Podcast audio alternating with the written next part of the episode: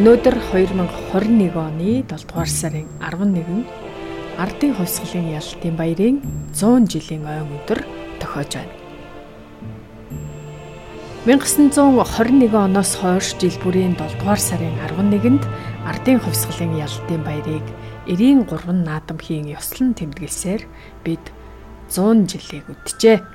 Энэ онд ардын хувьсгалын ялалтын 100 жилийн ойтой бид золгож байгаач цардахлын хүнд үеийн нөхцөл байдлаасаа шалтгаалж хойтон жил хүртэл хойшлуулад байгаа байлаа.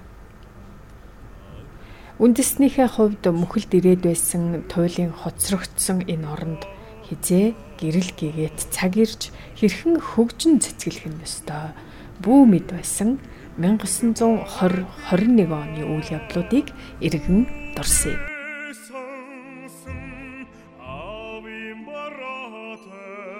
100 жилийн өмнө 800 гаруй мянган хүн амтай, түүнийх нь 50 гаруй хувь нь лам, 80% нь бичиг үсэггүй, дэлхийд мартагдах шахсан Монгол улсыг хөдсөн дээлтэй хувьсгалчид оройлон энэ цагийн өнгөрөө хөдлөх цагаан морийг нь давирч өгсөн байдаг.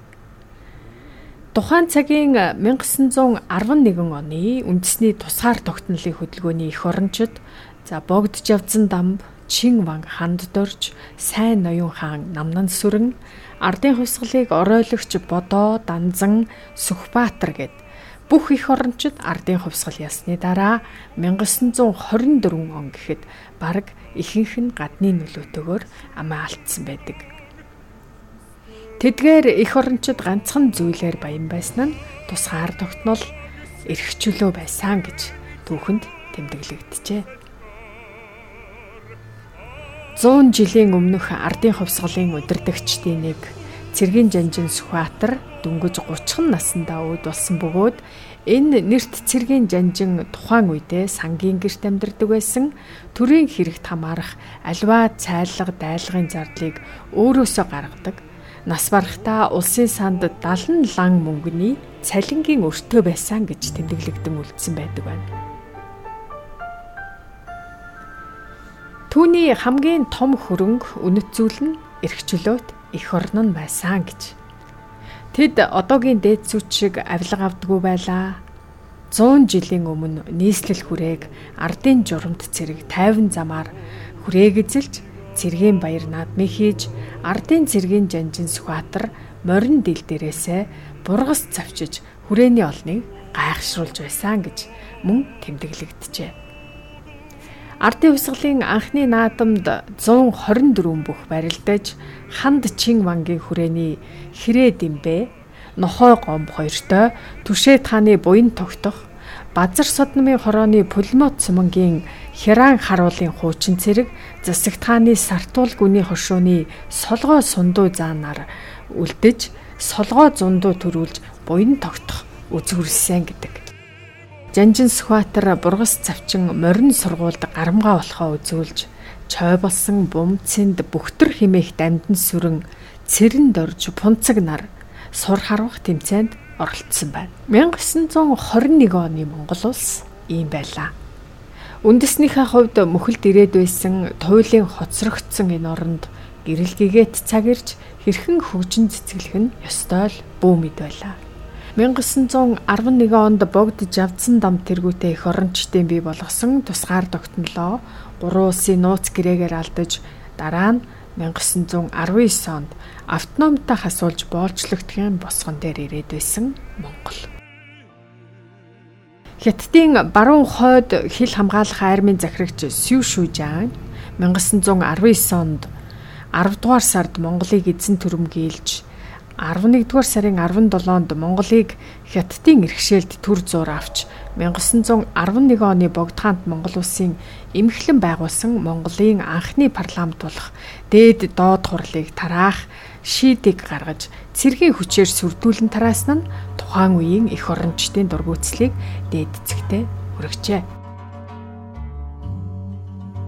1921 оны ардын хувьсгалын үйл хэрэг бол мэдээж 1911 оны үндэсний тусгаар тогтнолын хөдөлгөөний үргэлжлэл байсан энэ хувьсгалын оюун санааны удирдагч богд жавцсан дам хотогт байсан бол үйл хэргийг нь гардан гүйцэтгэж гал сүрсэн Хүмүүс нь бол Данзан, Бодоо, Сүхбаатар нарын хувьсгалчид байжээ. Ирэх чөлөөний мэдрэмжээрээ дарангууллыг сүрж, зориг тангараг зангидан хөдөлсөн анхны долоо өөрсдийн тэмцлийг зүгээр нэг зэвсэгт бослох биш улс төрийн үйл хэрэг гэдгийг мэдэрч байжээ. Тэд олныг оройлон хувьсгал хийж гадаадын төрөмгийлэгчдийн хөлөөс эх орноо салгаж авах эрхэм зорилгыг хэрэгжүүлсэн. Харин Монгол Ардын нам Яванда ангийн дайсантай болж улаан хувьсгалж болсон түүх бол өөр бүх дэлхийг бүрхэх комментарны түүхийн нэг хэсэг нь байсан гэж мөн түүхэнд тэмдэглэжээ. 1920 оны 7 дугаар сарын эхээр данзан чой болсноор Оросын зүг хөдөлсөн бөгөөд энэ сарын дундуур бодоо чагдарж явнаар араас нь хөдөлсөн байдаг.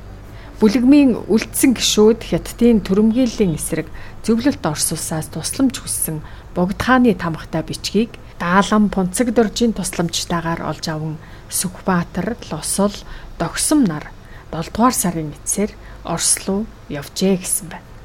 1920 оны 8 дугаар сард ардын намын төлөөлөгчид бүгд Ирхүү хотод очиж зөвлөлт засгийн төлөөлөгч нартай уулзсан байдаг. 9 дугаар сарын ихээр Данзан, Лосол, Чагдар жавнар Москва руу явж Сүхбаатар чойвс нар эрхүүдүүлдэн харин Бодоо Догсом нар их хүрээ рүү бутсан байна. Ардын намынхан анх зөвлөлт Орос улсад явахдаа зөвхөн зэвсэг гуухаар явсан боловч сүүлдээ зэр зэвсгээс гадна Оросын улаан цэргийн хүчийг авахар тохирч үүний төлөөс нь Монголд зөвлөлт маягийн төр засаг тогтооно гэсэн амлалт өгсөн байна гэж бичжээ. Ингэж анх ардын намынхан комментарны нөлөөнд шууд орох нөхцөлийг бүрдүүлж байсан гэж түүхэн уг бичигт мөн дурдсан байна. Баруун Өнгөр нь Монголд орж ирлээ. 1920 оны эцээр байгаль нуурын чандын цагаантны удирдагч Атаман Семеновын харьяаны дэслэгч генерал барон Унгерн фон Штернбергийн удирдсан Оросын цагаан армийн Азийн морин дивиз Монголд орж ирэн 10 сараас эхлэн нийслэл хүрээг хид хідэн удаа довтолж 1921 оны 2 дугаар сарын 23-ны өдөр нийслэл хүрээг Хятадын гамин цэргээс бүрэн чөлөөлсөн байна. Үүний үр дүнд богд хаант Монгол төр дахин тогтнож монголчууд тусгаар тогтнолоо дахин сэргээлээ. Баруун үүнгээр нь нийслэл хүрээнд банк, цэргийн сургууль, гаалийг байгуулж хотыг хогноос нь цэвэрлэх ажлыг мөн зохион байгуулж байсан гэдэг. Баруун Өнгөрний цэргүүд 1921 оны 4-р сар гэхэд Монгол орныг Хятадын гамин цэргээс бүрэн чөлөөлжээ. Улаантнууд баруун жанжны гавьяаг үгүйсгэж Улаан Орос зэрэг Монголыг гамин цэргээс чөлөөсөн гэж худал гүтгсээр ирсэн байдаг.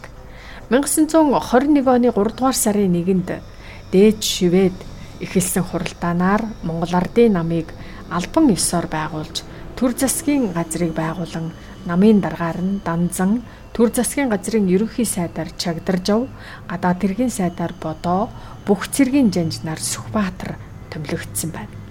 1921 оны 3 дугаар сарын 18-нд Сүхбаатараар удирдуулсан Ардын цэрэг хүчээр хэд дахин давуу Хятадын гамин цэргийн хүчийг бут зохин Хягтыг чөлөөлөх тултааны хийж уг хотыг эзлэн авсан байдаг. 5 дугаар сарын эцсээр баруун Унгар нь уг хотыг эзлэн авсан байдаг. 5 дугаар сарын эцсээр баруун Унгар нь их хүрээнээс хойд зүг хөдөлсөн ба гол хүч нь улаан айран болон ардын цэрэгт бут зохигдсон зөвлөлт Орос руу зогтон гарсан байдаг. 1921 оны 7 дугаар сарын 6-ны өдөр ардын цэрэг их хүрээнд орж ирсэн бөгөөд 11-ний өдөр ардын эрхт хэмжээт цаазад Монгол улс ба ардын хувьсгалын ялтыг зарлан туух гэлсэн ийм өдөр тохиожээ.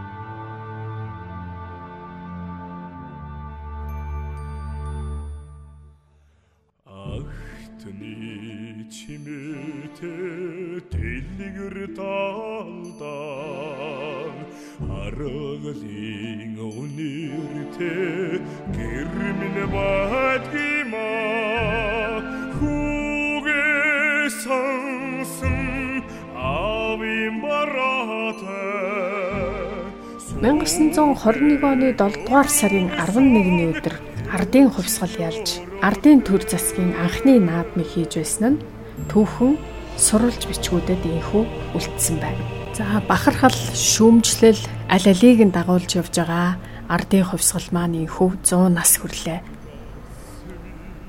100 жилийнх нь ойн босгон дээр за цар тахлын нөхцөл байдал хүндэрч ардын хувьсгалын 100 жилийн ойн наадам нэгэн жилээр хойшилсан байна. Гисэн хэдий ч түүхийн сурвалж бичгүүдэд ардын хувьсгалын түүх за түүнд оролцож байсан хүмүүс за эдгээр хүмүүсийн намтар түүх их сурвалжуудад үлдсэн байдаг. За үүний зэрэгцээгээр ардын хувьсгал за түүнийг үүсгэлцэж байсан анхны долоогч гэсэн түүхэн гавьягийн гуйвуулсан гих зэрэг мэдээ мэдээллүүд бас ихээр гардаг. За ардын хувьсгалын 92 жилийн ойн үеэр за Монгол наадмаас ардын хувьсгалын гэдэг үгийг авч хаях санал хүртэл явагдаж байсан. Ийм түүхэн үйл явдал болж байсан. За үүний зэрэгцээгээр за Монголын цэргийн гарамгаа жанжин гэгддэг Сүхбаатарын хөшөөг хүртэл Сүхбаатарын талбайгаас авч өөр газар шилжүүлэн сууршуулъя гэдэг саналж гарч байлаа. Ардын хувьсгал адлагдах шахаж байсан жил бас байсан. А энд энэ жил 100 жилийнхаа ойгоор ардын хувьсгал цар тахлын улмаас инхүү хойшиллоо. Гэсэн хэдий ч түүхэл түүхээрээ л үлдэнэ. Ардын хувьсгалын 100 жилийн ой баярын мэдээг та бүхэндээ хүргье.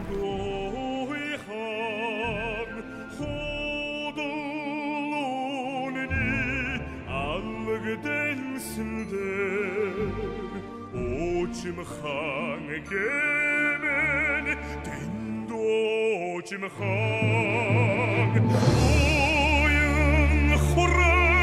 сан